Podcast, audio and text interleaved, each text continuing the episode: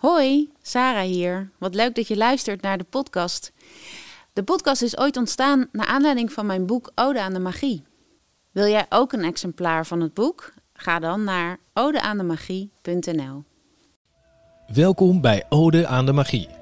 Vandaag brengen we een ode aan de magie met futuroloog Christian Fruneau. Als oprichter van Studio Monnik helpt hij bedrijven om te kijken naar toekomstscenario's. Zo opent hij nieuwe mogelijke werelden. We praten over UFO's, engelen en hoe de overleden eigenaar van een tweedehands kast zijn eigen wereld groter maakte. En een toekomstscenario is een hele goede toolkit om na te denken over wat je hier in het hier en nu moet gaan doen. De wereld is natuurlijk zo complex geworden.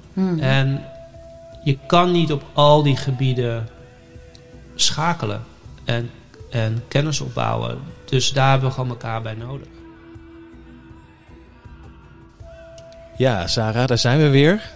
Uh, nieuwe aflevering van Ode aan de Magie. En vandaag dan met, uh, met Christian. Hij zit, al, uh, hij zit al tegenover ons. Dit is het awkward moment waarop de gast nog niet mee mag praten. En wij het gewoon even over gaan hebben waarom die hier zit.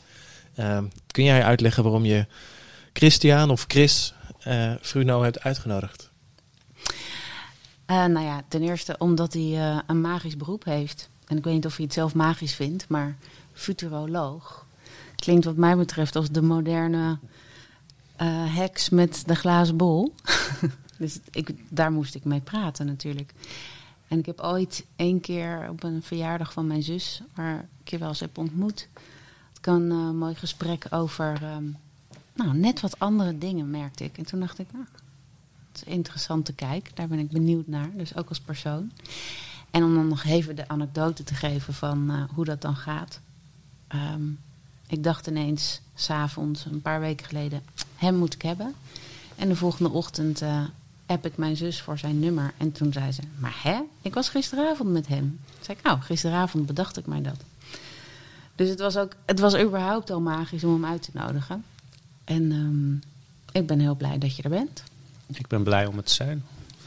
Welkom. Ja, dankjewel. We gaan het hebben over um, magie. En ik ben heel benieuwd naar um, jouw kijk daarop. Dus eigenlijk is mijn eerste vraag aan jou: wat is magie voor jou? Ja, dat is een goede vraag. Ik denk dat ik er van verschillende ja, punten naar kijk. Ik, uh, ja, zoals je gezegd, ik, mijn beroep is futuroloog. Maar ik benader dat best wel sociaal-wetenschappelijk. Mm -hmm. uh, dus voor mij heeft magie ook een hele historische, sociaal-wetenschappelijke lading eigenlijk. Uh, en, tegelijkertijd uh, link ik het ook aan uh, voorvallen uit mijn eigen leven. Betekenisgevende voorvallen of anekdotes uit mijn eigen leven die voor mij ja, vervullend zijn of, of ja, leidend zijn in een way. En dat voelt heel magisch. Dus het is dus magie in jouw leven is iets wat je hebt meegemaakt wat betekenis geeft aan je leven? Ja, voor mij wel, ja. ja. Heb je een voorbeeld van zo'n magisch um, event in je leven? Nou, ik. ik um, nou, een van, van de meest. Um,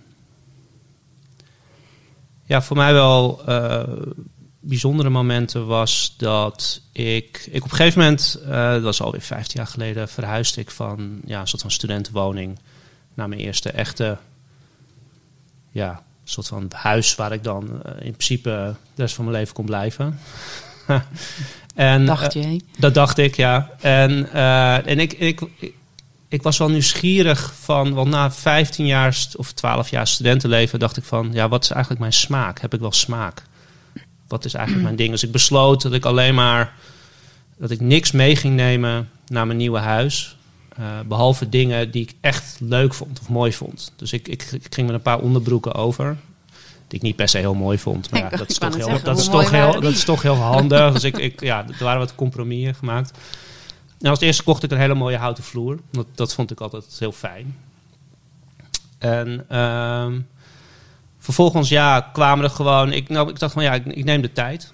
Dus ik, ik zie wel wat er binnenkomt waaien. Zolang ik het maar leuk vind. En dan ben ik gewoon benieuwd naar wat mijn smaak is. Dat was zeg maar mijn ding. En ik was met, eh, op een gegeven moment was ik met Joost. Dat is, eh, nou, dat is, dat is jouw buurman. Ja. Eh, waren we in de kringloop en daar vonden we een oude Art Deco. Echt een hele mooie oude Art Deco kast. En nou, die namen we mee. En, eh, en die zat een tijdje soort van niet in elkaar. Zeg je dat? Niet in elkaar. Ja, dus stond los. In, in, in, in- In losse delen. in losse delen, in panelen stond hij een tijdje in elkaar. Maar op een gegeven moment heb ik hem in elkaar gezet. En ik merkte dat ik in die periode dat, dat die kast het huis in kwam. En het, dat ik steeds verdrietiger werd. Mm. Ik werd steeds somber. Ja, een beetje zo'n zware verdriet. Een verdriet die ik eigenlijk nooit had. En ik, het was al onlangs was het uitgegaan met een, met een geliefde. Dus ik dacht, nou is dat het dan? Ben ik daar zo verdrietig van? Maar het werd steeds zwaarder en steeds zwaarder. Mm. En ik, ja, ik denk, ja, dat, is, dat voelde niet van mij of zo, in, in a way. Maar dat bedacht ik me toen nog niet. Maar ik voelde wel van, wat is dit toch van een gek iets? En op een nacht eh, lag ik, eh het kast was al in elkaar gezet en op een gegeven moment, en ik lag op een, eh, op een matras met, ja, die lag zeg maar op zijn op zijn spijltjes. Ik had nog geen bed, wat ik mooi vond. Nee, want daar had je nog geen smaak voor. Nee. nou ja, ik begon, mijn smaak begon zich te vormen met die mooie Art Deco kast. Maar goed, ehm, eh, en op een nacht verlamde ik helemaal. Ik geloof dat het, het sleep paralysis heet. eh, In, eh. maar, en, en dat, dat gebeurde, dat vond ik al heel vreemd. En ik had heel erg het gevoel van, ja, er is gewoon iemand ook hier. En mijn hele bed schoof met mij erop richting de kast. Wauw. Ja, en ik dacht van, pff, ja, eh, hier doe ik doe gewoon net alsof me... Ik, ik was niet in paniek of er was geen... Ik, ik voelde niet veel angst, maar ik had wel zoiets van... Ik heb nu geen zin om hier mee te dealen. Dus ik, ik draaide me een soort van om en ik viel in Je slaap. negeerde dat je hele bed Ja, ik, ik dacht van... Ja, want ik had... Ja, ik weet ook niet waarom. Ik had niet het gevoel dat ik in... in, in, ik had niet het idee van, oh, ik ben in gevaar of zo. Maar ik had ook geen zin om me er nou heel erg mee... Ja, het klinkt heel gek. Maar goed, in ieder geval, dat deed ik. Want het klinkt als een soort hekserij. Nou, dus nou, ik werd wakker en ik werd dus wakker naast de kast met mijn bed. En het is niet zo'n grote kamer hoor. Dus het is niet zo alsof ik... eh, het was een meter schoof de hele zaak op. Ja. En, en ik, ik, ik belde een vriend van mij. En ik zei, nou, volgens mij is er gewoon iets in mijn huis. Een kraker. Er, er zit gewoon iets. En ik ben Indisch... Ik kom uit een Indische achtergrond. Dus ik, Hmm. het is niet dat het me vreemd is. Dus ik was ook niet daar angstig over. Maar ik dacht wel van, ja, er zit gewoon...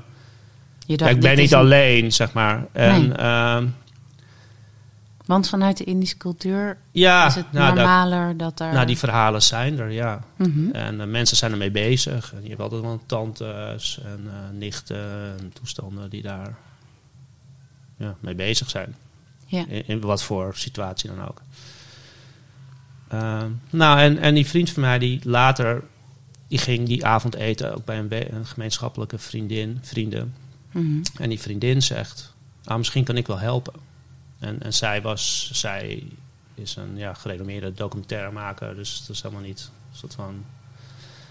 Maar goed, ze belde me op en, en, en ze zei, nou, misschien kan ik wel helpen. En ik zei van, eh, ja, misschien is het ook wel... Ik had natuurlijk op het internet gezocht, misschien wel dit en dat. Ze zei, nou, ik kom wel gewoon langs en, eh, en misschien wel. En ze kwam langs en eh, we waren nou, ik zeg van ja, nou, het kan ook dit zijn geweest of dat of whatever. Eh, En ik- wat voor dingen dacht jij dan? Nou, ik, ja, ik zat gewoon alles te rationaliseren. Dus ik dacht, ja, ik kan ook gewoon met mijn voet hebben afgedrukt op mijn bed. Nou, ik weet ik veel. Kan allemaal. maar zij liep zo binnen en zei, oh, ik zie het al. Oh. En, eh, nou, en ze, ze zegt, ja, er zit een man. Of dus later vertelde ze van, ja, er zat een man. Die was overleden. Die, Mhm. die zat nog in zijn kast. Die, ja, soort van, die accepteerde niet dat hij verder moest, bij wijze van spreken. En, eh, en ik heb gewoon gezegd dat hij, moest, dat hij weg moest gaan. Dus die is nu weg. En je voelde het huis ook echt zo... Want ze hebben gewoon gezegd, ik wil dat je gaat. Ja, ja, in haar En zij heeft dat gezegd. way. Ja, zij, zij heeft dat gezegd, ja. Hm. En eh, nou, eigenlijk kwam zij ook wel, ja, had ik het gevoel, ook wel een beetje uit de kast. Als iemand die dat het al het hele leven zag ze dat soort dingen. En, eh, Het is wel een mooie woordspeling. Ja, Dat ja, ja zo- er kwamen meerdere mensen uit de kast. Ja. En, eh, maar en ik, ik had zoiets van, ja, en, en hoe... ehm, nou, nou vul ik het trouwens heel erg voor erin. Dus dat moet ik niet doen. Maar goed, dat gevoel had ik wel een beetje. En, en ik zei, ja, waar is die dan gebleven? ja. En, en ik zou, en zei, ja, misschien zit hij nu... Ja, hij gaat gewoon naar iets toe waar, waar hij herkenning mee heeft. Waar, waar hij zich aan vastklampt. Dus misschien bij een ander deel van zijn inboedel. En ik had ondertussen heel erg het gevoel... Ja, maar ik heb hem anderhalve maand met hem samengeleefd. En ik had, ja, ik voelde wel een soort van intimiteit met diegene. Dus ik zei, ja, maar, kunnen we hem niet verder helpen of zo? Ja. ja, het is toch wel sneu dat hij hier dan een beetje van stoel naar kast wordt gejaagd. Ja. En ehm, nou, dat, het zei zaak, ik zal eens kijken of dat kan. En toen kon dat. Ze kon hem naar het ja, licht, met een gebrek aan beter woord, Mhm. I guess. Ja. Vind je dat ingewikkeld? Dat je... nou, ik vind die woorden af en toe wel, eh, Ja. om er woorden aan te geven, Ja. vind ik, ja, dan wordt het zo plat, heb ik wel het gevoel. Maar dus naar een betere plek, naar de plek waar die zou moeten gaan, in a, in a way. Misschien is het licht wel een heel goed woord daarvoor. Ja. Misschien En- is het wel niet anders dan dat. Nee, we misschien. er een cliché van, maar Ja, misschien is het... Ik bedoel, liefde is ook een nee, zeker. Ja. woord, maar liefde is wel nog steeds wel mooi. Ja. Nou ja, goed, inderdaad. Het is ook niet dat ik me schaam voor die woorden, maar soms, ja. Het is interessant, want ehm, toen je hier binnenkwam, toen had je het even over het taboe, over Ja. magie. ja. En ehm, je springt er eigenlijk meteen in, best wel in een heel intiem onderwerp. Ik, ik, vind je, ik vind het grappig dat je het benoemt dat het intiem is en een taboe. En aan de andere kant ben je er heel vrij in om, om het gewoon maar te benoemen. Ja, ja, het is, ja, het is toch denk ik ook in mezelf. Nou goed, ik- mag ik het verhaal even afmaken? want dan heb ik denk ik wat meer eh, kapstokjes strakjes om het Mhm. gesprek aan te gaan. En dan eigenlijk met haar en met haar, en zij is nu ook eigenlijk, dit is nu ook veel meer haar werk. Vijftien jaar later is dit nu haar werk. Mm. En ze heeft ons echt, mij en, en op andere momenten en heel veel andere mensen, denk ik, zo goed geholpen op punten. En nou, een van de dingen die ze toen zei, is, en dat is, ehm, want ze, ze zag bij mij dat mijn oma altijd bij mij is. Mm. En ik vond dat zo'n zo'n liefdevolle, als ik me daar open voor stel, zo'n geborgen, liefdevol iets. En, en dat heeft echt, los nog van dat, die anekdote met die kast, is eigenlijk veel meer het, de verbondenheid met, ja, met dat, als ik me, met mijn oma dan in dit geval, of met, met zoiets dat je geborgen bent Ja. in een groter geheel. eh, dat geeft mij altijd een heel ja, veilig en, ja, gevoel. Dat je nog, In een way, op een dieper niveau. Dus ik voel me Ja. ook best wel veilig aan zich. Maar maar dat je eh, verbonden bent met de andere kant of met de geestenwereld, geeft jou een veilig gevoel. ja, Dat je die verbinding hebt, ja, ook als mensen gaan. ja. En, en dat is wel interessant om dan terug te komen op, op jou van. eh, want ik merk dat ik wel bij woorden als de geestenwereld Mhm. omdat ik het. Ja, dat lijkt wel of er een scheiding zit dan. Terwijl ik het veel meer het gevoel heb dat, we, dat het door elkaar zit in een Ja. way. En dat, dat het. Want hoe zie je dat? dat Nou ja, zien is een groot woord, want ik heb daar helemaal geen grote theorieën over. nee, Maar, gevoelsmatig voel ik dat het nabij is. En dat, Ja. het, eh, dat we geborgen zijn met, in, in die. Dat het gewoon een continuïteit is. is dat een bedding die je voelt? Ja, een soort van. Ja, dat is wel een mooi woord. Het is wel interessant omdat je zo wetenschappelijk en ge- je hebt heel veel kennis, tenminste wat ik van je weet. Maar dat het stuk wat jou vertrouwen geeft in het leven iets is wat je niet wetenschappelijk kan bewijzen eigenlijk. Maar dat Nee. het een gevoel is. Ja, nou, ik heb altijd al het gevoel gehad, al mijn hele leven, dat ik, ik, ja, ik ben gewoon heel goed in wetenschappelijke manier van kijken en denken en Mhm. patronen zien. Ja, Dat dat een, een, een prima instrument is voor deze wereld, maar dat het ook een, het is een beperkt instrument. Dus je, je kan er huizen mee bouwen, je kan er, eh, ja. eh, het is handige kennis in heel veel eh, opzichten. Dus de wetenschappelijke methode, ja, ik, ik, ik heb er niks tegen, maar het, het heeft ook zijn, gewoon zijn beperkingen. Mhm. En dat geeft, in ieder geval voor mij, dat heb ik altijd al gevoeld, geen betekenis. Het, het geeft geen denkkader of gevoelskader waarin je jezelf kan ge- geborgen kan voelen of kan inbedden. Maar is, dat, En, en, en ja, is die, die ervaring met dat die man uit die kast kwam, was dat, want je zei er zijn meerdere mensen uit de kast gekomen, maar is dat ook het moment dat jij uit de kast bent gekomen met dat je voelde dat ja, je het was mij wel iets waarvan ik dacht van, oh ja, ik heb dit wel... Het is niet dat ik er niet over nadacht of zo, of dat ik er, maar het was, het was wel voor het eerst dat het gevoelsmatig... Je kreeg er echt mee te maken voor het Ja, eerst. ja. En ja. had je dat eerder in je kindertijd wel meegemaakt? Had je dat weggestopt? Nee, Of was het... niet dat ik weet. Ik weet dat er wel... Ja, de, de- maar het was voor mij altijd een beetje ver van mijn bedshow. Er waren allemaal tantes. En, en ik, in Indonesië zie je het ook veel van dat soort dingen. En, Mhm. en ik stond daar gewoon heel... Ik vond het allemaal meer exotisch. Het was allemaal een beetje ver van me af. Dan dat ik er... Niet van binnenuit. Nee, ik vond het niet vreemd. Ik dacht van, oh, jullie zijn allemaal gek. Helemaal niet. Maar het was ook... Had je toen na Afstandelijk die mij. ervaring ook meer affiniteit met je cultuur? eh, Ging je dat toen onderzoeken? nou... Nee, niet echt. Heb je geen Nee, affiniteit nee. met je cultuur? Nou ja, wat, wat is mijn cultuur? Ik, ik voel me meer Amsterdammer dan, Mhm. eh, dan Indisch in een way. Ik bedoel, ik ben Ja. ook wel Indisch. Maar Mhm. Indisch zijn is, ja, dat is een heel ander verhaal. Maar Ja. dat is, een, Nee, dat is ook een cultuur koppelt. wat langzaam weg-appt. Het is een koloniale cultuur met al zijn Nou, meer ingewikkeldheden. En dat Ja. is echt een ander verhaal. dat begrijp ik, maar je hebt hem nu drie keer gekoppeld aan het Indische. Dat dat daar Nou, normaal is. Dus Omdat ik daarom- het, ik ben in West-Friesland opgegroeid. Eh, gewoon in een Phoenixwijk. Eh, Heel Indisch. Heel in, nou, ik, ik had wel, dus, nou goed, heel veel van mijn vrienden, ja, die komen echt uit andere gezinnen, zeg maar. Dus ik voelde Ja. wel heel erg, oh, er gelden wel andere mores bij mij. Mhm. En er worden wel andere gesprekken gevoeld. En er is een ander gevoel van gastvrijheid en Hm. Culinariteit, et cetera, Ja. dan bij, eh bij, bij, West-Friese, bij de ouders van West-Friese vriendjes Kaaskoppen. met de kaaskoppen. En, ehm, en ik had ook eh, veel Indische vriendjes. Dus ja? dat was wel een deel van mij die zich daar thuis voelde. Ja. Maar wat het dan betekende en eh, ja goed, ik, en daar was ook wel dat magische aspect Mhm. en dat eh, spirituele aspect was daar best wel aanwezig. Ja. Dus, ik was, dus het was onderdeel van het gesprek bij mijn Indische vriendjes. Hm. Eh, als zijnde normaal. Oké. Maar het was nooit iets wat ik. Weet En je wel, want het waren het geen over? ervaringen die mij. Nee, het was, het was onderdeel van de cultuur, maar je had het niet zelf Nee, meegemaakt nee, dat in was die het tijd. meer. Ja. Maar de geestenwereld, om nog maar een keer dat woord te gebruiken, dat was wel normaal. Ja, bijvoorbeeld eh, bij eh goede vrienden van me. Zijn vader was. Ja, medium. Die, die kneden van eh, kaarsvet. Kneden die Marina-beeldjes. En op die manier kreeg hij Hm.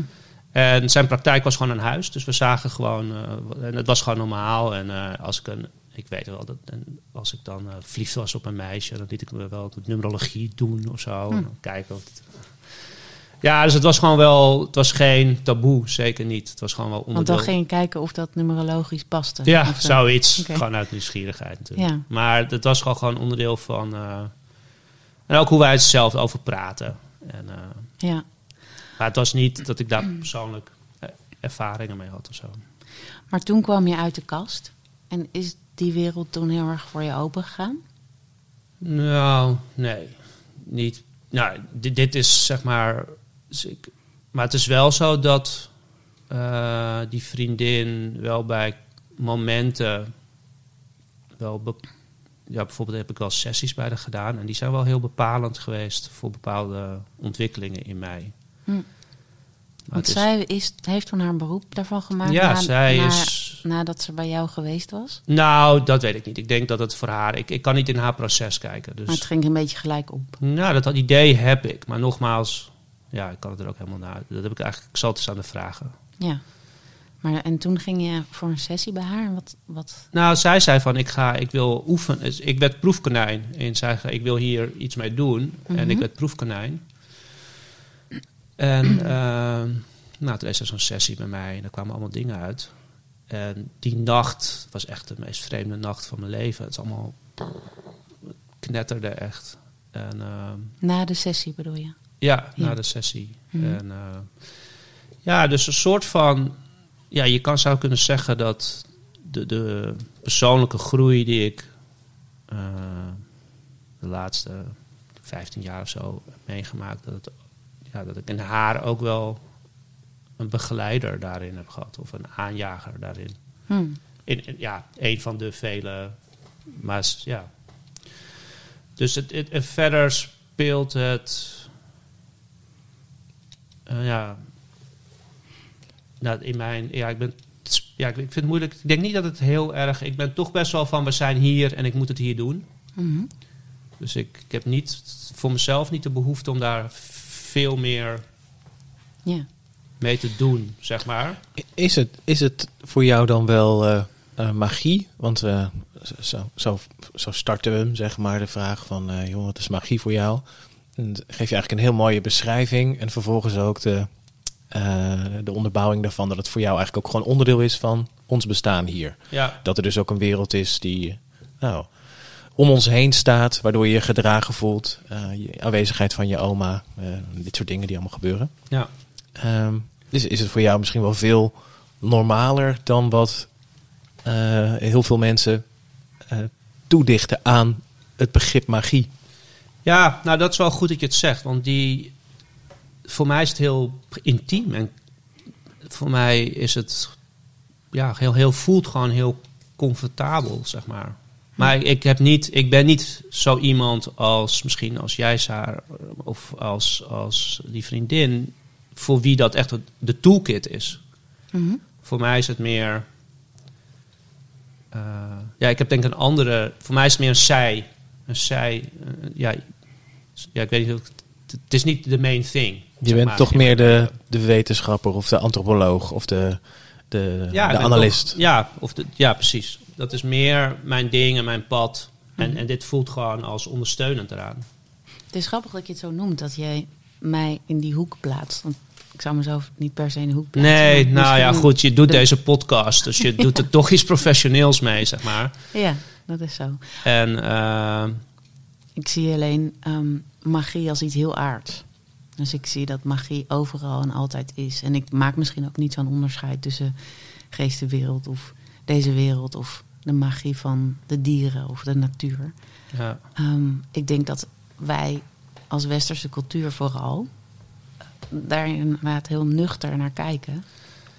Ja. En eigenlijk gewoon, omdat we zo hard bezig zijn om door, door, door en meer en geld en dat we de magie niet zien. Maar ik denk dat de magie er altijd is, ook in, de, in deze cultuur. dat Alleen ook. Ja. we maken hem minder mee omdat we minder snel stilstaan. En ehm, bij bijvoorbeeld een geboorte of een, of een sterfte, dan maak je magie veel meer mee. Want sta je veel dichter bij jezelf. Veel Ja. meer in het nu. Ja. Dus ja, ik- ja, dat is wel mooi. Ik zeg, want iets anders waar ik het altijd heb gevoeld is in liefde. hmm, Dus in, in, in, in vriendschappen en in liefde. Dus die, die verbindenis die je, ja, die je hebt met mensen, die hechting die dan onderling ontstaat. Of die, die heb, voor mij was het altijd een soort van. daar, daar voel je magie in. Ja, daar voel ik heel erg een soort van stroom of een navelstreng die me bindt aan iets. Terwijl dat, dat is natuurlijk dan buiten materieel, zeg Ja. maar, in a way. Dus dat heb ik ook altijd heel erg ervaren. En dat heb ik ook altijd als heel troostrijk. En dat voel ik eigenlijk hetzelfde bij mijn oma. Hm. Ja, want dat Eh, noem je ook als verbinding. Ja. Ja, en ehm, Dus magie is voor jou eigenlijk buiten het materiële om. En gaat over de verbinding tussen energieën. Of ze nou levend zijn of niet. ja, ja ik, maar nogmaals, ik vind het onderscheid tussen... ja, ik denk niet dat zij... Ja, ze is niet hier. Dat is het enige verschil, I guess. Ze Maar je niet- hebt wel liefde voor haar. Ja, en ik ervaar dat zij dat ook voor mij heeft. Ja, Dus en dat is die verbinding. ja. En, En eh, hoe zie je die magie dan met je levende vrienden? Hoe, hoe merk je dat? Nou, ik voel gewoon me verbonden aan mensen om me heen. Ja. Op een manier die ik verder niet zo goed ja, kan plaatsen. En, en dat is een sterke... Dat is een soort van thuiskomen natuurlijk. In a, in a way. Dat is ook misschien waarom je steeds dat woord intiem gebruikt. Omdat Ja. magie misschien wel verbonden is aan en verbinding en liefde. Ja, en, Dat aan, is ook en aan thuiskomen of een, een, ja, dat je je gedragen voelt, of in a way. Hm. En ja, en het, het, het, het- ja. Nou ja, goed. En, eh, ik, ik denk ook wel waar ik dan. Ik had het ook altijd bij mijn tantes. Die hebben dan. Ik, ik, ik vind het niet erg. Ik, ik, gebruik, ik maak ook wel eens gebruik van. Oh, leg me tarotkaarten maar even. En dat vind ik dan ook. Dat is ook heel vaak heel waardevol voor mij. Mhm. Maar ik vind heel vaak van die woorden, zeg maar de terminologie, dat is mij wel vreemd. Dus bijvoorbeeld geesteswereld of magie, al die woorden. Mhm. Terwijl we denk ik wel op het gelijk, eh, dat we het zelf over, zo- hetzelfde over voelen. Mhm. Maar dan denk ik toch, ja, dat zijn niet mijn woorden of zo. En ik, Zijn er woorden waar je je meer in kan vinden? Of wat, wat meer de lading dekt? Of is juist de taal de barrière? ja, misschien is meer de taal de barrière. Ik, eh, ja, zoals ik verbondenheid, of, of dat, dat zijn meer dingen die mij raken. Dat is ook... En geesteswereld voelt alsof er wij hier zijn en zij daar. Mhm. En dat is natuurlijk in een way ook zo. Maar geesten denk ik ook aan horrorfilms en we- weet ik veel Ja. wat. Dus ik denk, Of- ja, dat is niet de associatie die ik, daar helemaal, dat ik daarbij heb. Het is juist Nee. tegenovergestelde. Het is juist geborgenheid en En je liefde. bent er niet bang voor. Als je een, je bed een meter verschuift in de nacht en je denkt, ik slaap door, want ik heb er geen zin in, dan ben je niet zo bang. Nee, ik ben er niet bang voor. Ik ben, me, ik, ik ben ook wel bewust van het feit dat het ook wel donkere kantjes kan hebben. Ja? Ja, die zijn er ook. Ehm, maar zelfs daar denk ik van ja, dat is gewoon meer de afwezigheid van liefde dan of zo. Ik weet niet. Ja. Ik weet niet. Ik kan me niet voorstellen dat er. Maar dus die, al die associaties die wij in het Westen hebben rondom, zeg maar. ehm, Want wat ik ken vanuit de Indische cultuur is er wel heel veel bijgeloof. Dingen die je niet moet doen. Of ja, dan- want dan is black magic of niet, niet oké. ja, er is natuurlijk. Niet eh, senang. dat, ja, je hebt natuurlijk die Guna Guna toestand, Ja. stille kracht. eh, Maar daar ben je ook niet bang van. Nee, daar heb ik niet zo. Niet dat ik niet bijgelovig ben, maar eh, zoals iedereen heb je je OCD-trekjes natuurlijk. Met z'n allen. Deel, deel er eens eentje. ja, nou, goede vraag. Ik kan er nu- niet zo erg op iets komen, maar eh, ja, iedereen heeft natuurlijk wel zijn ritueeltjes die, eh, die, eh, eh, die ja, de- waar je op een of andere manier, ja, routines en et cetera. Ik hoorde deze week van eh, een van mijn beste vriendinnen. Zij is Indisch en haar moeder is vorige maand overleden. Ah. En ze is het huis aan het opruimen. En toen vertelde ze van, ja, als je dan van die oude portemonnees vindt in de Indische cultuur, zei ze van, dan mag je niet zonder geld. Dan moet er op zijn minst een centje in zitten, anders brengt het ongeluk. Ja. Dus ze heeft dan allemaal centjes gevonden in allerlei eh ja, nee, precies. En. De, laatst werd een oude ik- portemonnee Nee, maar laatst geld? kreeg ik een, eh, een, een kris van iemand cadeau. Ja, En dan denk ik wel, hmm, ja, is dit nou, als het een toeristending is, prima. Mhm. Maar als het een echte is, en ik, kon, ik kan helemaal niet de onderscheid zien, dan denk ik kan je wel... uitleggen wat een kris is? Ja, Chris is een ceremonisch, ceremonische dolk. Het heeft zo een beetje een slangen, slangenvorm. Ja, En, ehm, nou goed, ik weet, of ik weet, ik weet helemaal niks, maar het is mij verteld Mhm. dat ze niet altijd even neutraal erin zitten, die krissen, zeg maar. nee. Dus ik Dus- dacht van ja, als het gewoon een toeristending is, prima. Maar als ik straks eh, een of ander, eh, Als het een soort art deco kast. eh. ja, bewijzen van, ja, Perfect. als een soort van een paard van Troje. Ja, want wa- wa- wat is dan bijgeloof daarbij? Want ik, ik ken... Ik, heb ja, ik weet het niet precies, maar ik weet wel dat mijn tante had altijd van die krissen. En die waren dan altijd, een deel daarvan was altijd betoverd. En speren en toestanden. Die, Ja. die- dat- Dat is wel die zwarte magiekant. Wat heb je ermee gedaan?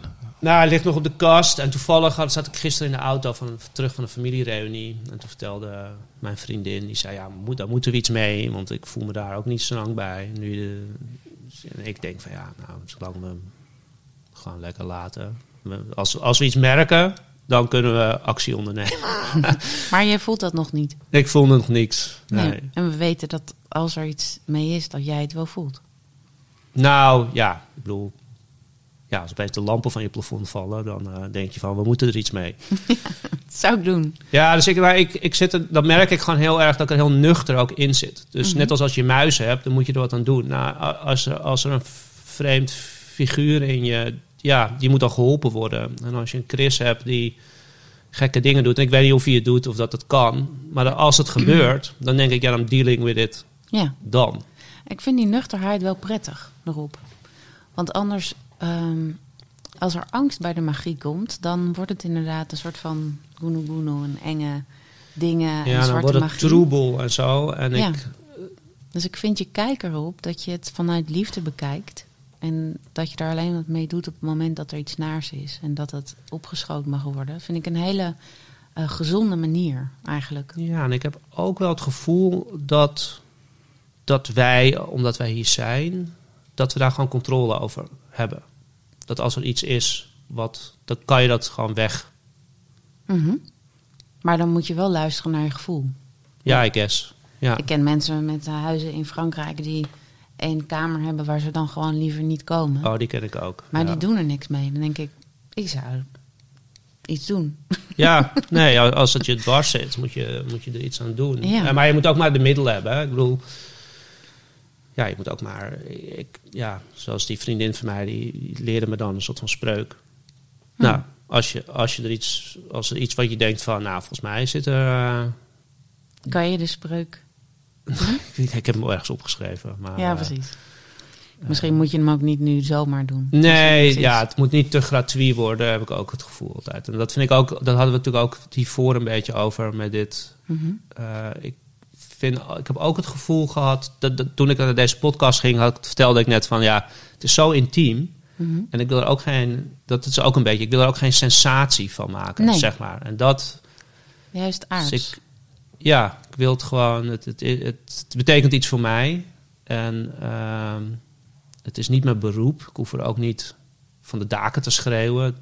Het- ik kan me, ja, Maar ik ben wel even benieuwd naar je beroep. Want futuroloog, dat klinkt mij best wel magisch in de oren. het is... ehm, Is dat magisch? Ja, ik vind het, ik vind het super magisch. Nou ja, goed, wat wij, hoe wij het benaderen, en ik doe het met een compagnon, is ehm, Hoe heet je compagnon even voor de Edwin, volledigheid? Edwin Gardner. En we hebben samen een studio voor futurologie, Hoe heet je studio? Studio Monnik. Mhm. En ehm, wat wij doen, we, we, we kijken 600 jaar terug in de westerse geschiedenis. Dus het is iets wat eurocentrisch. eh, naar, de, naar westerse moderniteit. Dus die begint zo rond 14, 1450. En met de uitvinding van de boekdrukkunst. In ieder geval, dat is het punt waar wij, wat, wat in ons model enorm naar voren komt.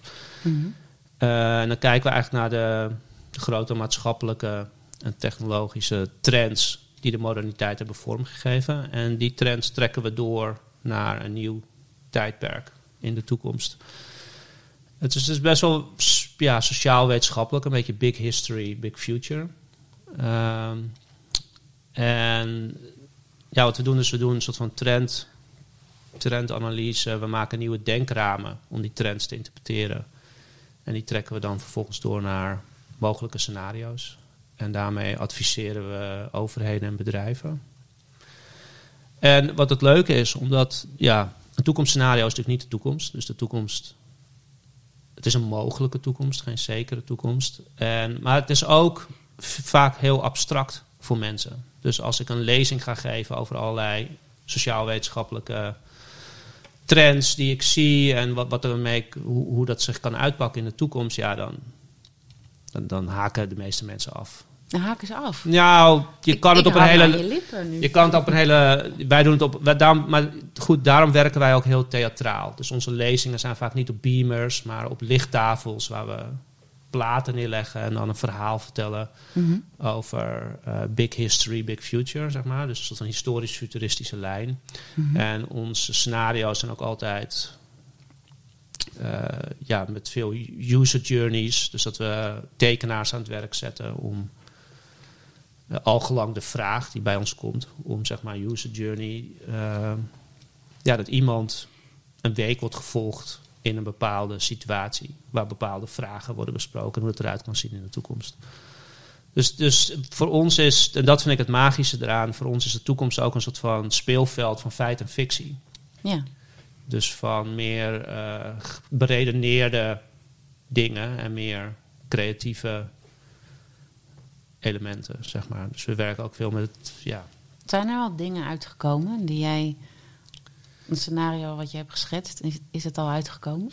Nou, ja, wij beginnen natuurlijk pas over, eh, we zijn geen trendwatchers. We zeggen niet van eh, over vijf jaar eh, hebben de mensen allemaal een capuchon aan of zo. Dus, ehm, maar ehm, ja, dus, dus en we zitten pas ongeveer vijf jaar echt in het. We zijn tien jaar bezig, maar vijf jaar pas als, als bedrijf. Dus ja, echt, echt uitgekomen. Wij kijken net iets verder. Maar Ja. er zijn wel dingen die. ehm, Je maakt een soort westerse Maya-kalender. ja, ja, wat was dat ook alweer, die Maya-kalender? Ja. Dat we met z'n allen ten onder gingen, geloof ik, toch? Ja. 2012. Nou, het is een scenario. Dat is een scenario, ja zeker, ja. Ehm, ja, we, nou ja, goed, dit is wat we doen. En een toekomstscenario is een hele goede toolkit om na te denken over wat je hier en in het hier en nu moet gaan doen. Ja. Dus je- kijkt naar de geschiedenis en naar de toekomst. En daarmee destilleer je wat je nu kan doen. Ja, daarmee bedrijf. helpen we eh, overheden, bedrijven in bijvoorbeeld strategie, innovatie en beleids. Heb je een voorbeeld van waar moet ik aan denken? Wat, wat, wat, wat gaan ze nu veranderen omdat jij een toekomstscenario schetst? Ehm, nou, we werken. Vrijdag hebben we weer een, eh, een sessie met de VO-raad. Eh, dat is zeg maar de ANWB van. eh, of zeg maar de, de, de, de sectorraad van alle middelbare scholen. Mhm. En scholenkoepels vooral. En ehm, hun, zij kwamen twee, drie jaar geleden bij ons en hun vraag was: ehm, wat gaat digitalisering doen met hoe onderwijs in de toekomst gegeven wordt? Ja. Dus de structuur van onderwijs. En daar gingen ze een leertraject eh, mee in. En het komt dat er steeds meer natuurlijk digitalisering het onderwijs in komt. Maar dat er eigenlijk helemaal geen beleid op is. Nee. En ehm, ja, je levert je natuurlijk ook best wel over aan dat soort grote, grote bedrijven. Die ja, op bepaalde opzichten natuurlijk veel machtiger zijn dan jij. Omdat en vooral omdat er helemaal niet begrijpen. Nee, precies. Er zit ook heel weinig kennis in over eh, wat digitalisering is en over hoe je erover kan nadenken. En eh, ze vroegen ons om de kick-off te doen. En daarvoor hebben wij een scenario-workshop ontwikkeld. Dus wij werken met, wij doen trendrapporten, maar ook eh, scenario-workshops en eh, lezingen, toekomstlezingen. Dat is eigenlijk zeg maar een soort van de toolkits waar wij ongeveer mee werken. En een scenario-workshop die we voor hun hebben ontwikkeld. En dat is eigenlijk een beetje de standaard van hoe wij werken. Dus, dus bijvoorbeeld, ze komen binnen bij ons. Dus een aantal, ze zeggen van nou, we hebben een aantal eh, schoolbestuurders of schoolkoepelbestuurders. Die willen graag dit traject meedoen. En jullie zijn de, de aftrap. Kunnen jullie daar een scenario-workshop voor doen? Nou, dan komen ze bij ons binnen. En dan zeggen we nou, eh, jullie zijn nu geen eh, onderwijsprofessionals meer. Jullie zijn nu durfkapitalisten. En dan zeggen ze, nou, wat, wat is een durfkapitalist? Nou, we hebben nu een spoedcursus durfkapitalisme voor jullie. Jullie gaan nu kijken door de lens van Silicon Valley. Hoe kijkt Silicon Valley naar de wereld? Wat zien zij als zij nadenken over digitalisering? Wat is de belofte van digitalisering voor hun? En dan hebben we een grote lichttafel. En daarmee schets ik eigenlijk een verhaal van, van de boekdrukkunst.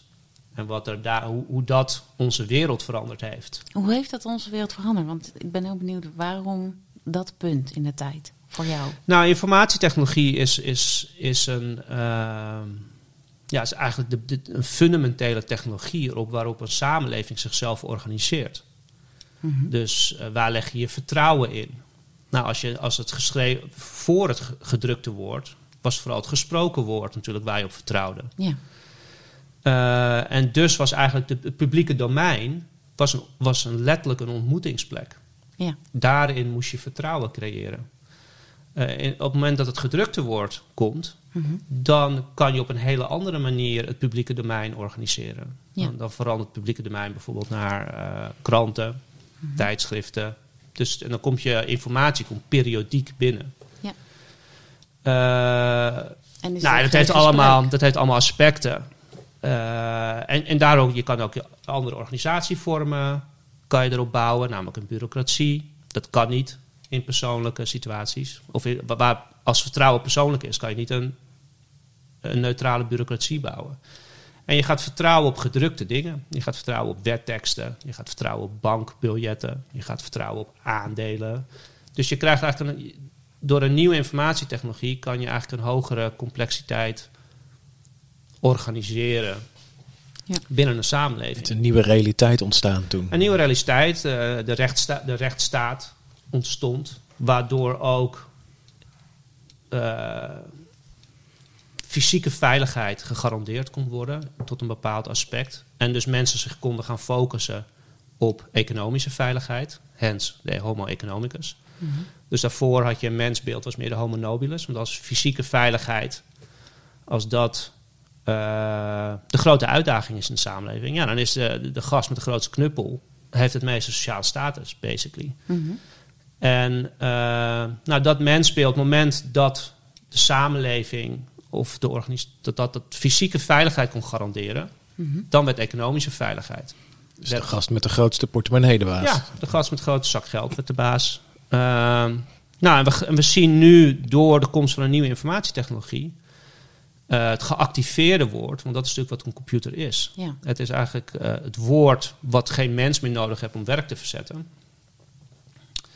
Eh, kom je eigenlijk in een soort van overvloeds. Als je het goed organiseert, zit je veel meer in een soort van overvloedssituatie. En dan wordt eigenlijk het mensbeeld verschuift. Dus economische veiligheid kan worden gegarandeerd. En dat is onze samenleving is economische veiligheid natuurlijk al tot een deel best wel gegarandeerd. En ik, ik weet dat er natuurlijk enorme inkomensverschillen zijn, enorm veel geldstress is bij mensen. Uh, maar uh, je ziet wel dat we steeds meer ruimte hebben om ons te focussen op emotionele veiligheid.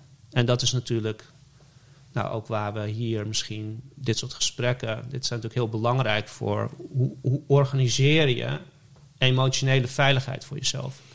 Dus doordat er uh, de veiligheid gegarandeerd was, was er ruimte om economisch te gaan ontwikkelen met elkaar.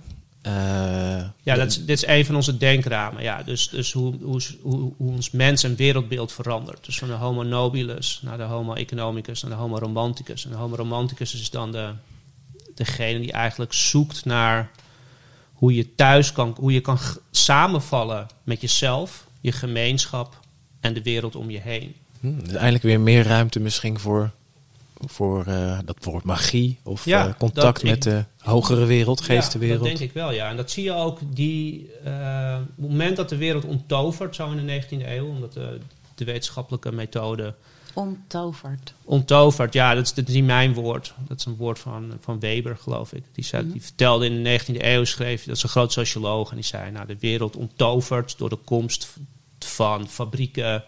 Ja. Uh, de, ja, de komst van de arbeids, grote arbeidsdeling, maar ook de wetenschappelijke methode, scholing. En ja. daardoor. Veel meer op kennis dan op wijsheid. Ja, veel meer op deze wereld gericht dan op ja, die andere wereld. Maar als ik je zo hoor over je werk, dan is heel veel geschiedenis en heel veel denken over de toekomst. Dus het gaat over wat was en waar je naartoe wil. Ja. En in het nu, daar zit wat mij betreft de magie. Hoe breng jij jouw magie in je werk? Um, nou ja, dan, dan, terug naar zeg maar, dat voorbeeld van die, van, die, van die workshop die we doen met VORA, die we dus weer doen. En, dus ze komen binnen en daarbij vertellen we, dan staat er om een lichtbak. En dan vertellen we eigenlijk een grote tocht van 1450 naar zeg maar 2100. Mm -hmm. En het is meer om een denkkader te geven van hoe kan je nadenken over digitalisering. En dan heb je een heel gesprek met ze erover. En op een gegeven moment zeggen van, nou, jullie zijn nu wel echt uh, gediplomeerde durfkapitalisten. Ja. Doe je ogen maar dicht en we gaan tien jaar verder in de tijd. Hm. En dan uh, na tien jaar verder in de tijd, dan hebben we een pitch voor ze. Nou, jullie, het is jullie geluksdag uh, als durfkapitalist, want ja, jullie worden nu, jullie mogen, aan, jullie mogen investeren als jullie dat willen in, in, in, een, in een start-up die denkt het onderwijs, ja. het onderwijs te disrupten. En hebben we eigenlijk een, een start-up bedacht, het heet Bloem. En die, uh, ja, we hebben verdienkader, gewoon de hele, de hele pitch van hoe een hoe zo'n start-up zou kunnen werken. Die hebben heel mooi grafisch uitgewerkt. En die pitchen we dan aan ze. En dan moeten zij bedenken, ga ik daarin investeren of niet? En dat komt van tevoren natuurlijk een gesprek. En in dat gesprek ontstaat zeg maar heel veel, daar leren ze heel veel aspecten kennen waar ze op moeten letten als ze nadenken over digitalisering. Over eh, portability, over network effect, et cetera, et cetera, et cetera. Uh, en vervolgens zeggen we, nou, dan gaan ze, sommigen investeren wel, sommigen niet. En dan gaan we verder, weer verder in de toekomst. En dan, nou, het, bedrijf bestaat al tien jaar. En, dit is een, leven uh, of een week in het leven van een meisje. Wat aan het platform verbonden is, die onderwijs krijgt. En dan zie je eigenlijk hoe zo'n onderwijsplatform zou kunnen werken. Hm. En eigenlijk dit proces, en er zitten allemaal oefeningen tussen. En er zitten allemaal, ja, dit proces geeft hun eigenlijk een heel nieuw denkkader. Hoe ze in het hier en nu moeten nadenken, of kunnen nadenken over uh, wat er gaande is. En hoe ze zich daarin in het hier en nu kunnen positioneren. Dus eigenlijk geef je ze een denkkader mee of een paradigma wat buiten hun kaders gaat, zodat ze magischer kunnen denken. Dat er meer fantasie, meer... Ja, meer fantasie. Als, als magie fantasie is, dan, uh, dan is dat zeker magischer, ja. Nou, ik moet er steeds aan denken, omdat jij zei uh, over de magie, de woorden die daarbij zitten, dat je, die, dat, je dat een beetje plat vindt. Dat je dat plat vindt maken. Dus ik vind het zo mooi dat je begint ook bij de boekdrukkunst.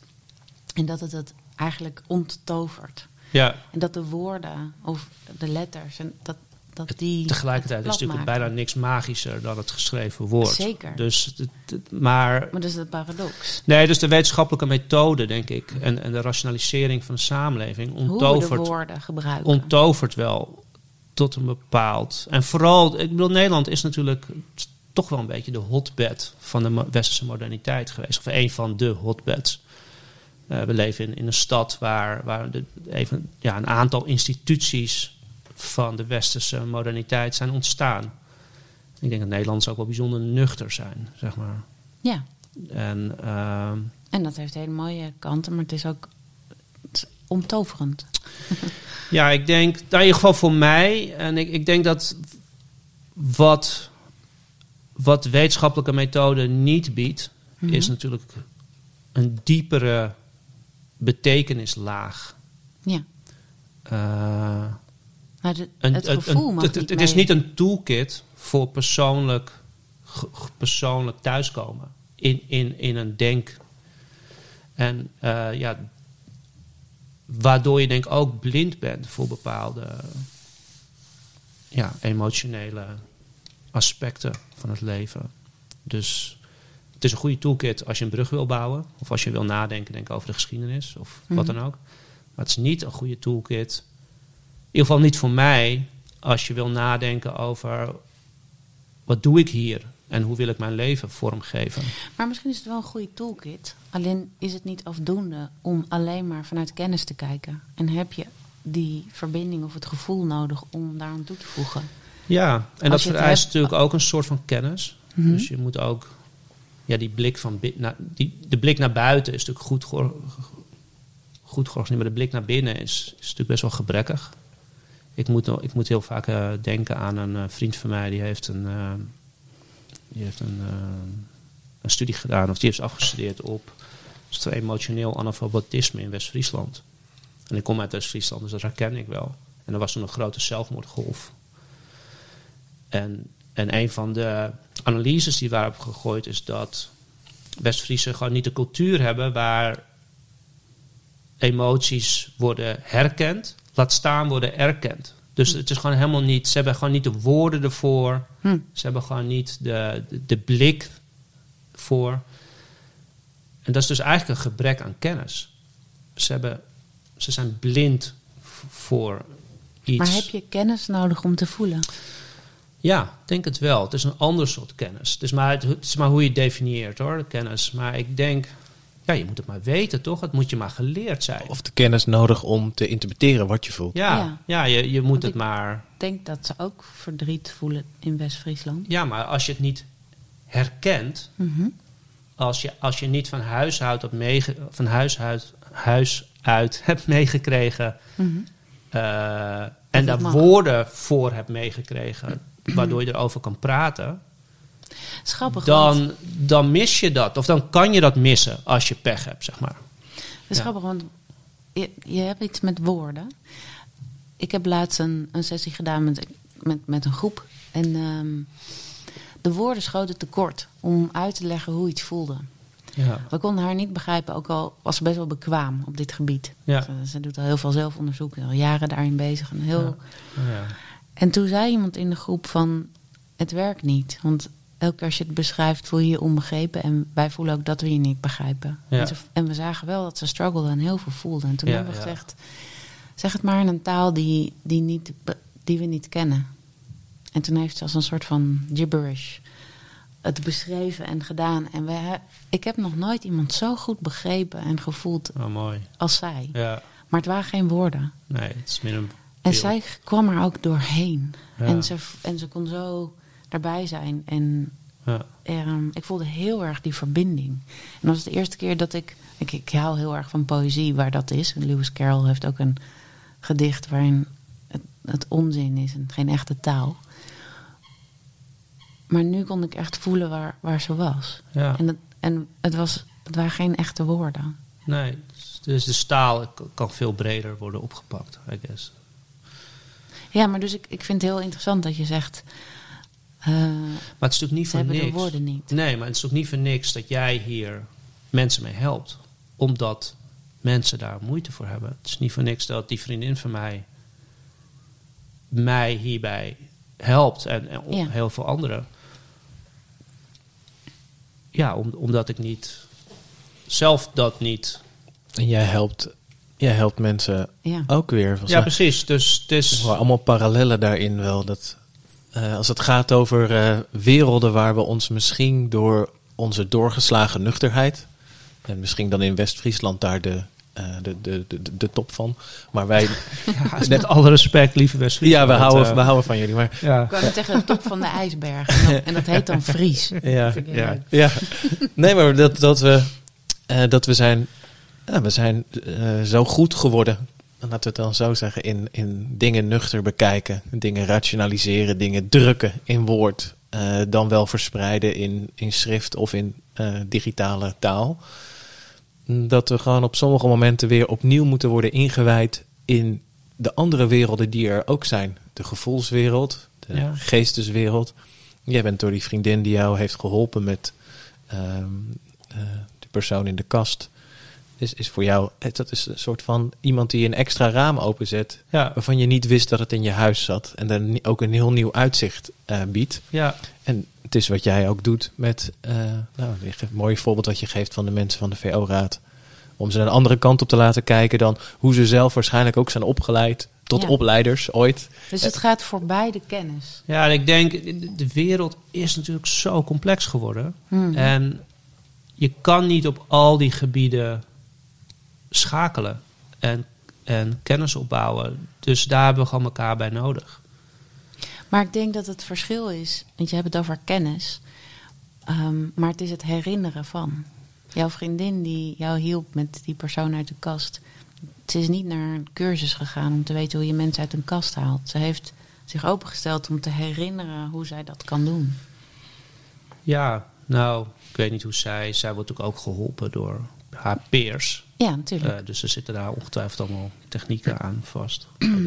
Mhm. Eh, ja, nou goed, ik heb het idee dat jij ook een beetje valt over het woord kennis.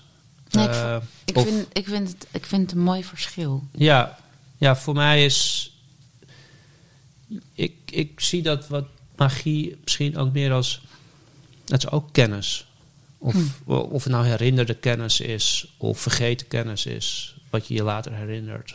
Nou, misschien is het ook wel leuk, want dit is inderdaad een woorddingetje. Want je, ik, ik val er inderdaad niet over, maar misschien heb ik er Het is voor mij niet per se van. wetenschappelijk kennis. Nee, en dat hoor ik nu dat je dat zegt. Ik Ja. denk dat ik het verschil in mezelf heb gemaakt tussen kennis en wijsheid.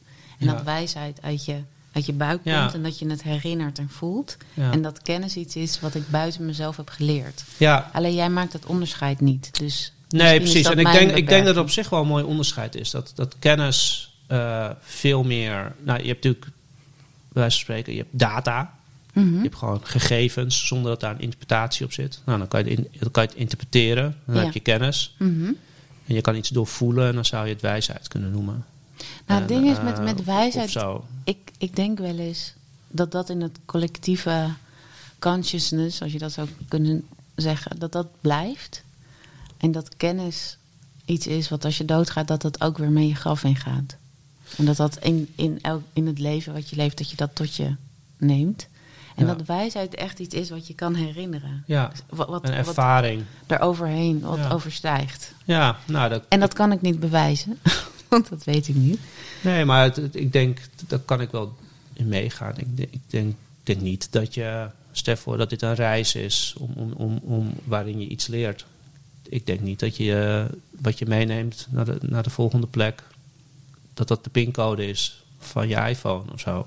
Nee, denk ik ook niet. Ik denk dat je, dat je andere dingen, dat die belangrijker zijn. Ja. Nee, dus er is een zeker een verschil in. Ja. in Maar dan snap ik nu, want je zei van je valt over de woord, maar ik heb er gewoon een, eh, ook weer een ordening in gemaakt, Ja. wat ik ervan ja, vind. nee, precies. Maar ik hoor dat jij kennis anders benadert, dus ik vind dat, ik vind dat goed voor mij om dat even.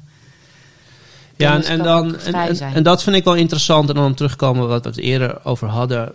Ehm, dat dit zo'n. Dat magie zo. Volgens mij, hè, dus ik, ik heb het gevoel dat het zo persoonlijk is. Hmm. En de interpretaties en de woorden die je eraan geeft. En ook de beelden die je hebt. eh, dat dat zo subjectief is. Waardoor je het eigenlijk alleen maar naar iemand kan luisteren en zeggen: Oh, wat mooi. Of misschien kan je er zo en zo. Nou, Maar ja, goed. Ja, je vertelde voor de opname Ja. iets over een boek. Ja, ik, ik heb een boek gelezen, American Cosmic. Echt een fantastisch boek over een Amerikaanse religiewetenschapper die vanuit haar, die dacht van, wat nou als ik naar het UFO-fenomeen, wat natuurlijk heel groot is in de Verenigde Staten, Ja, eh, als ik daarna ga kijken vanuit mijn blik als religiewetenschapper. En die echt in een soort van rabbit hole viel, waar ze zelf ook allemaal heel, heel erg verward. Maar die heeft een soort van een reisboek gemaakt. Ja, ik kan het niet anders beschrijven als een reisboek, waarin ze soms met een wetenschappelijke blik, soms haar verwarring aangeeft. En ze ontmoet de meest vreemde types, ook hoog in de boom met de overheid, die er allemaal mee bezig zijn. Mhm. Uh, maar één ding vond ik heel uh, interessant, is dat, dat ze beschrijft een familie. Eén daarvan is een soort van ingenieur of een wetenschapper. En de andere van is, de, dat is een man en de, en de vrouw is een, uh, echt een, hoe zeg je dat? Een, een, een, een iemand die het, een, kat, een katholiek, maar die het echt praktiseren. praktiserende katholiek. En die hadden alle twee een fenomeen. Dus er gebeurde iets in hun huiskamer. En de man zag uh, iets wat heel erg geassocieerd wordt met UFO, UFO-fenomenen. Ja. En de vrouw zag een engel, geloof Mm. ik. Of iets wat heel erg geassocieerd wordt met het katholicisme. Of het, ja. en, maar ze zagen alle twee wel op dezelfde moment, in dezelfde situatie, met, met wel as, aspecten, verschillende aspecten. Maar ze zagen alle twee wel op, op die plek, daar gebeurde iets. Dus er gebeurde iets magisch, dat wisten ze zeker. Ja, er gebeurde Alleen iets. Ja, nou, misschien dat hij het niet als magisch zou herkennen, maar als een soort van. uh, Hij vond dat heel normaal. Nou ja, ik vond het niet normaal, maar ja, het is, zeg maar, een UFO zou je nog zeg maar, wetenschappelijk kunnen benaderen. Ja. En, maar het interessante is dus, er gebeurde wat en je hebt twee, ze zagen het alle twee in heel erg gedetailleerd op een andere manier. Ja. En, en toen dacht ik van, ja, dat is wel echt interessant, want dat, dat maakt het ook zo moeilijk om erover te praten of om Ja. er algemeenheden eh, omheen te hangen. En dat om voor daar, iedereen anders. het is voor iedereen anders. En dat is ook de beauty of it. En, en ik denk dat daar heel veel schoonheid in zit. Ja. En dat maakt het ook heel intiem. Het maakt het heel persoonlijk. En je moet dus eigenlijk mensen de toolkit geven om hun eigen verbeelding, die daarop los, en hun eigen dingen, Ja. om daar, ja, om het maar even, om daar gehakt van te maken. Ja. zeg maar, ja. Voor woorden aan te geven. Om er of- woorden Ja. aan te geven, of om het, nou eigenlijk vooral om het betekenen, dat, dat gevoel heb ik altijd, om een betekenis en geborgenheid, om een waarde ja. aan te geven. maar het is, dat is toch ook wat jij met je werk eh, doet? Zou ja, ik dan in a zeggen? way. In ja. a way. Ik bedoel, Ja. de, eh, de beste mannen en vrouwen van de VO-raad. eh, een, een toolkit geven en eigenlijk een, een andere blik aanbieden Ja. om te kunnen kijken naar eh, wat zij moeten gaan doen in de toekomst met het onderwijs in dit geval. Ehm, maar wel daarin hun eigen magie te herkennen. Om dat mee te Ja, zeker. Ja. Dus wij bieden een soort Beeld. van eh, denkraam waarin zij, en ze kunnen er ook buiten treden, maar het is meer dat ze het even uit hun oorspronkelijke denkraam komen Ja. en eh, ja, een, een lange termijnvisie kunnen gaan ontwikkelen. En wij spreken ook van het lange nu. Dus het is niet zo. Dus, dus hoe wij hier nu zitten met z'n allen. eh, en en eh, dat, dat heeft natuurlijk. Dit, dit nu is natuurlijk gemaakt in een verleden. We bouwen voort op voorgaande momenten. En we werken toe naar toekomstige momenten, wat die ook zijn. Dus, dus als je. Ja, dus ik vind het lange nu altijd een mooi, mooi interpretatiekader. Dus het, het nu is natuurlijk, je kan het heel erg het nu, nu, nu, nu, nu, nou dan mis je hem. Ja. Dus je moet toch een soort van framework hebben. En ik denk dat dat het framework per situatie anders is. Ik merk als je zegt het lange nu, dat het mij ontspanning geeft. Ja, dus als je het hebt over. eh, het ligt aan het metabolisme van het veranderingsproces. Dus als je het hebt over klimaatverandering. Ja. Ja, dan moet je een langere nu nemen. Als dat je het hebt over eh, boodschappen doen. Of wat gaan we eten vanavond. Dan Ja. heb je een iets kortere nu. Ja. Maar alle twee heeft, moet je gaan nadenken over verwachtingspatronen. Maar dat doe je natuurlijk heel intuïtief. Ehm, maar dus het, het nu is, groot, is afhankelijk van het probleem waar je, of het probleem of de uitdaging, of hoe je het ook wil noemen, wat je dan voor je ziet. En bijvoorbeeld waar we het net over hadden, over ehm, hoe onze samenleving langzaam eigenlijk weer betovert. Want dat zien wij ook wel. Hoe zie je dat? Ehm, nou, eigenlijk met de Homo romanticus komt ook een soort van nieuwe manier van. Dat, dat gebeurde al in de 19e eeuw. Toen begonnen mensen overal ectoplasma's te zien en dat soort dingen. Seances te houden en, en toestanden. Dus het christelijke framework viel gedeeltelijk weg. En dan kwam natuurlijk een heel nieuw, echt meer romantisch interpretatie van magie. Bijvoorbeeld komen bovendrijven. En, en ook veel meer op esthetiek gericht. Dus de kunstenaarschap kwam op. Mhm. Eh, en eh, nou, dat was een onderstroom. En die kwam eigenlijk na de Tweede Wereldoorlog. Met een, ja, waar toch, toch de welvaartsstaat weer een nieuwe vorm kreeg, kwam het op met die, met die babyboom-generatie. Die, eh, ja, die jeugdsubculturen. Die, die op zoek gingen naar betekenisgeving. Ja. En dat, waren, dat was van Back to the Land tot en met eh Neil Young, tot en met nieuwe manieren van, eh, van magie eh, daarmee omgaan. Dus we, worden steeds magischer. Eigenlijk we, we betoveren de wereld steeds meer, maar er is nog niet een gemeenschappelijk, gemeenschappelijk kader waarin we dat doen. Er is nog niet een gemeenschappelijke taal. En ik weet ook niet of dat zinnig is. Misschien moet je het wel heel persoonlijk houden. Moet je meer soort van. Maar misschien is magie Maar je ziet wel dat het. de Dat, meest brede taal die er is. Ja. Je gaat voorbij de taal Maybe. die we spreken. Voorbij Ja. culturen, voorbij religie. ja, Want om nog heel erg even terug te komen op wat jij zei over dat mensen een andere interpretatie hebben van magie. UFO of engelen, dat iedereen dat anders ziet. Elke keer als ik in Jeruzalem ben en ik sta daar in die oude stad en ik, ik zie hoeveel verschillende religies daar op een kluitje zijn. Ja. Ik kan de heiligheid voelen. Ik ben zelf Joods, dus ik, ik heb wat met die cultuur, maar ehm, ik denk dan, ja jongens, we voelen allemaal dat hier iets heiligs is. De een zag een ufo, de ander zag een engel. ja, En het is allemaal hier. ja. Alleen we willen de hele tijd doorvoeren. Ja, maar ik zie het zo. Het is deze God. Nee, het Ja. is deze God. ja. Nee, ik ben er ook Wat als het eh, allemaal mag zijn? dus dat, dat, is, dat Ja. is dat hele stuk. Ja, En het is dat zoeken. En het, ja of, of in ieder geval erin. Dat we erkennen of herkennen dat het eigenlijk hetzelfde ja. mee bezig zijn. Nou ja, en nieuwsgierig zijn naar elkaar. Ja, Wauw, zag jij een ufo? Hoe zag je dat dan? In plaats Ja. van, nee, het was een engel. ja. Nee, ik zag een ufo. Ja, maar ik denk dat de vraag misschien belangrijk is. Wat betekent het voor jou? Dus Ja. los of het een ufo of een engel Precies. of een, eh, een boeddha of een, eh, wat dan ook is. Maar ja, Wat, wat betekent het voor jou en hoe verandert het jouw kijk op de wereld? Uh, ja. En, ja. Ik, ik denk misschien dan wel dat dat komt omdat we die, uh, die fase die jij beschreef van vroeger, uh, dat het echt vooral ging om veiligheid. Mhm. Um, dat we dat op een gegeven moment hadden opgelost met economie. Um, maar ik denk als ik dit hoor, denk ik, ah, misschien zijn we het ook weer opnieuw kwijtgeraakt. Uh, maar dan binnen een economisch kader. Dus het gaat niet over knuppels, maar het gaat inderdaad over hoeveel belasting moet ik betalen of heb ik wel Ja. of niet een baan. Um, omdat we, we zijn zo massaal op zoek naar veiligheid. En ik denk dat voor heel veel mensen is een religie met het bijbehorende boek en het bijbehorende uh, Hoop. kleedstuk of weet ik veel wel niet, is, is een hele fijne houvast. En daarom dus ook zo moeilijk om los te laten of in ieder geval het ook in twijfel of discussie te kunnen. Nou, en, mensen die geloven ook in die veiligheid. Het is Nou, wetenschappelijk bewezen dat mensen die een religie navolgen in principe langer leven. Gewoon omdat ze een schijnveiligheid hebben. Dus laat ze dat Ja. hebben.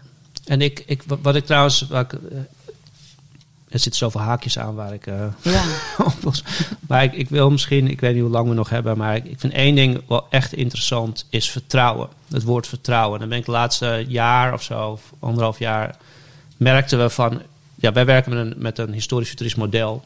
En dan denk je, ja, dat woord vertrouwen is altijd een afgeleide geweest van, va- van andere variabelen in het model. Maar eigenlijk, ja, het, misschien heeft het, moet het veel fundamenteler worden gepakt. En daar zijn we nog niet helemaal over uit. Ik schrijf, terwijl we hebben ook een nieuwsbrief, de Chrononauten heet het. En het volgt de volgende week gaat het over vertrouwen. In ieder geval probeer ik mijn gedachten, een paar van mijn gedachten, te ordenen in die nieuwsbrief over het is een vertrouwen. nieuwsbrief waar je op kan abonneren. Ja, het is een wekelijke nieuwsbrief. Je kan erop ab- abonneren.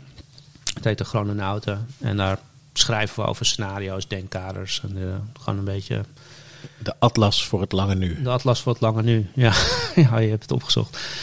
Maar goed, vertrouwen. En ik, ik vind het... Ik vind het, het is zo fundamenteel voor, voor gemeenschap. Mhm. Maar ook voor je eigen functioneren. Vertrouwen in jezelf. Ja, En zolang je vertrouwen hebt in niet... Bijvoorbeeld het placebo-effect... is vertrouwen op een ja. de, de ritualistische situatie die zich voordoet, waardoor je lichaam zichzelf kan helen. ja. Eh, ja, ik vind het is, het heeft, ik ben nog helemaal niet over uit, maar ik heb heel het gevoel van als je een diep vertrouwen hebt in jezelf, in, in, je, in je gemeenschap, in de mens en in het universum, dus in, in het lot, dat ook als het heel slecht is op een dieper niveau, is het toch nog goed. Mhm. Ja, die, die eigenheid die je dan daarmee, waarmee je daarmee door het leven kan. Ja, ik denk dat, dat dat wordt de uitdaging van de toekomst. Om een soort van. Ja, dat. dat dus dus het verschuift ook hè, van dus e- eigenschap. Dus als persoonlijke kenmerken, als persoonlijk vertrouwen het grote de uitdaging is. Of de, dingen dan is eigenschap. Is, is eigenlijk heel belangrijk.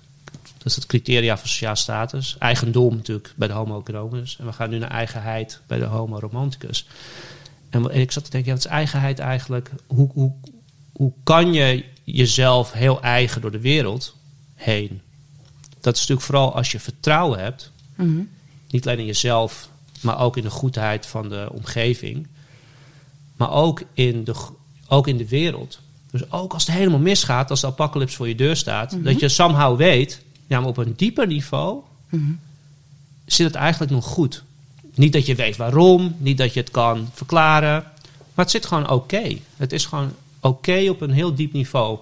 Ik denk als je dat gevoel hebt, dan, ja, dan ben je best wel, dan kan je op een heel comfortabele manier eh, een leven leiden.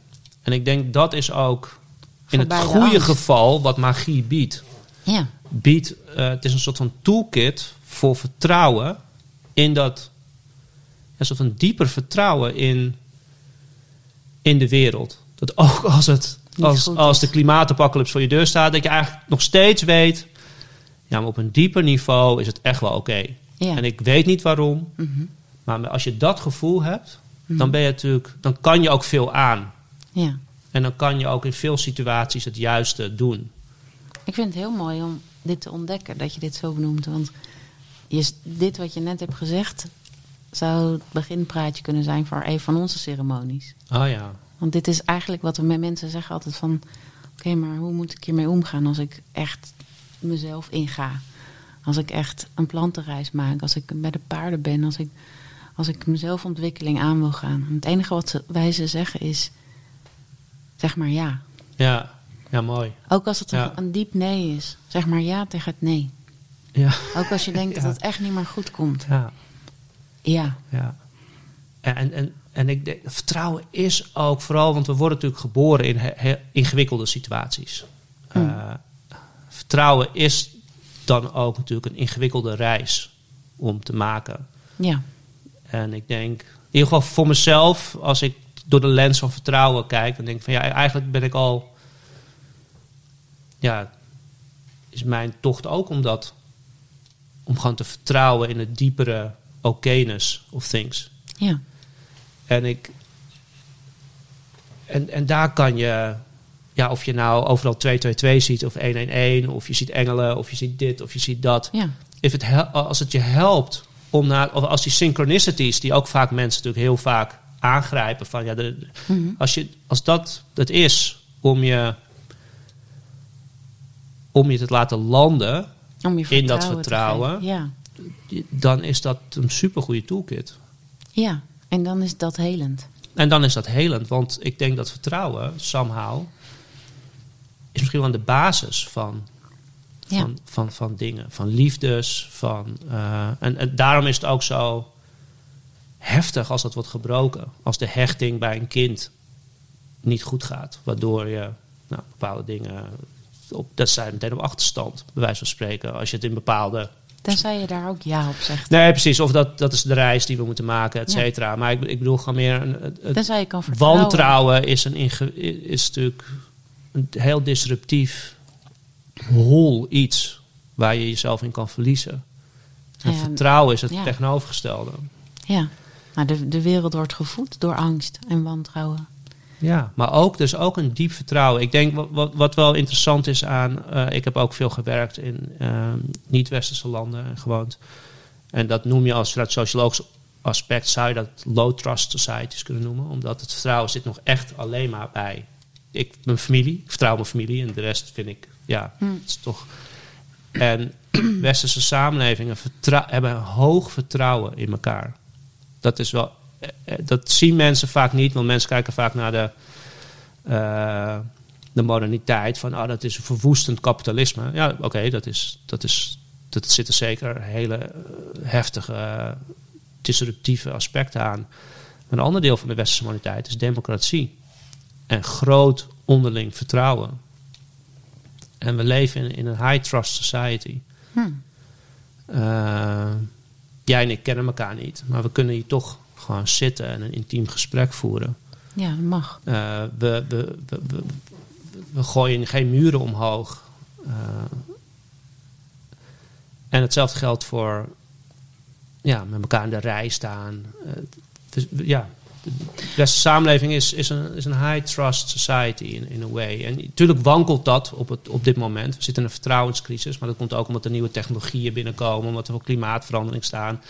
De hele, ja, we gaan naar een nieuw tijdperk toe, wat natuurlijk super disruptief is. Maar binnen die disruptie zie je, jeetje, we eigenlijk gezien alles wat er gaande is, ja, gaat het nog best wel redelijk, zeg maar. Vertrouw jij jezelf? Ik vertrouw mezelf steeds meer, laten we het zo, het zo zeggen. Ja, het is toch een reis, I guess. Ja, ik vertrouw mezelf nu meer dan eh 15 jaar geleden, bij wijze van spreken. Jij? Ja, zeker. Ja? Ja, Altijd al gedaan? Nee. Nee. Nou ja, in, in de beginnen wel. En toen ben ik wat geconditioneerder geraakt en Ja. wat verder van mezelf. Maar nou ja, met mijn boek Ode aan de magie en de magie toelaten. En dat, nou ja, de eerste zin van mijn boek is: Dit is mijn coming out. Ja. Ehm, vertrouw ik op mezelf, ja. ja, mooi. Ongeacht wat er wordt gevonden. Want er wordt echt wel wat over gevonden. Ja? Ja, Ja. Dus. Nou, dat kan me voorstellen. en dat is oké. Nou, dat is mooi om te horen. Heel erg bedankt voor dit gesprek. Eens gelijks, jullie bedankt. Fijn dat je er was. En jij bedankt voor het luisteren. En ben je geïnspireerd geraakt, misschien wel magisch geraakt, hou deze podcast dan niet voor jezelf, maar uh, delen met iemand die die magie goed kan gebruiken. Abonneer je op de podcast zodat je direct op de hoogte bent van de allerlaatste nieuwtjes. En ja, heb jij het boek al of nog niet? Nou, kijk dan eventjes op odeaandemagie.nl. Dan heb je nog meer magie in je leven.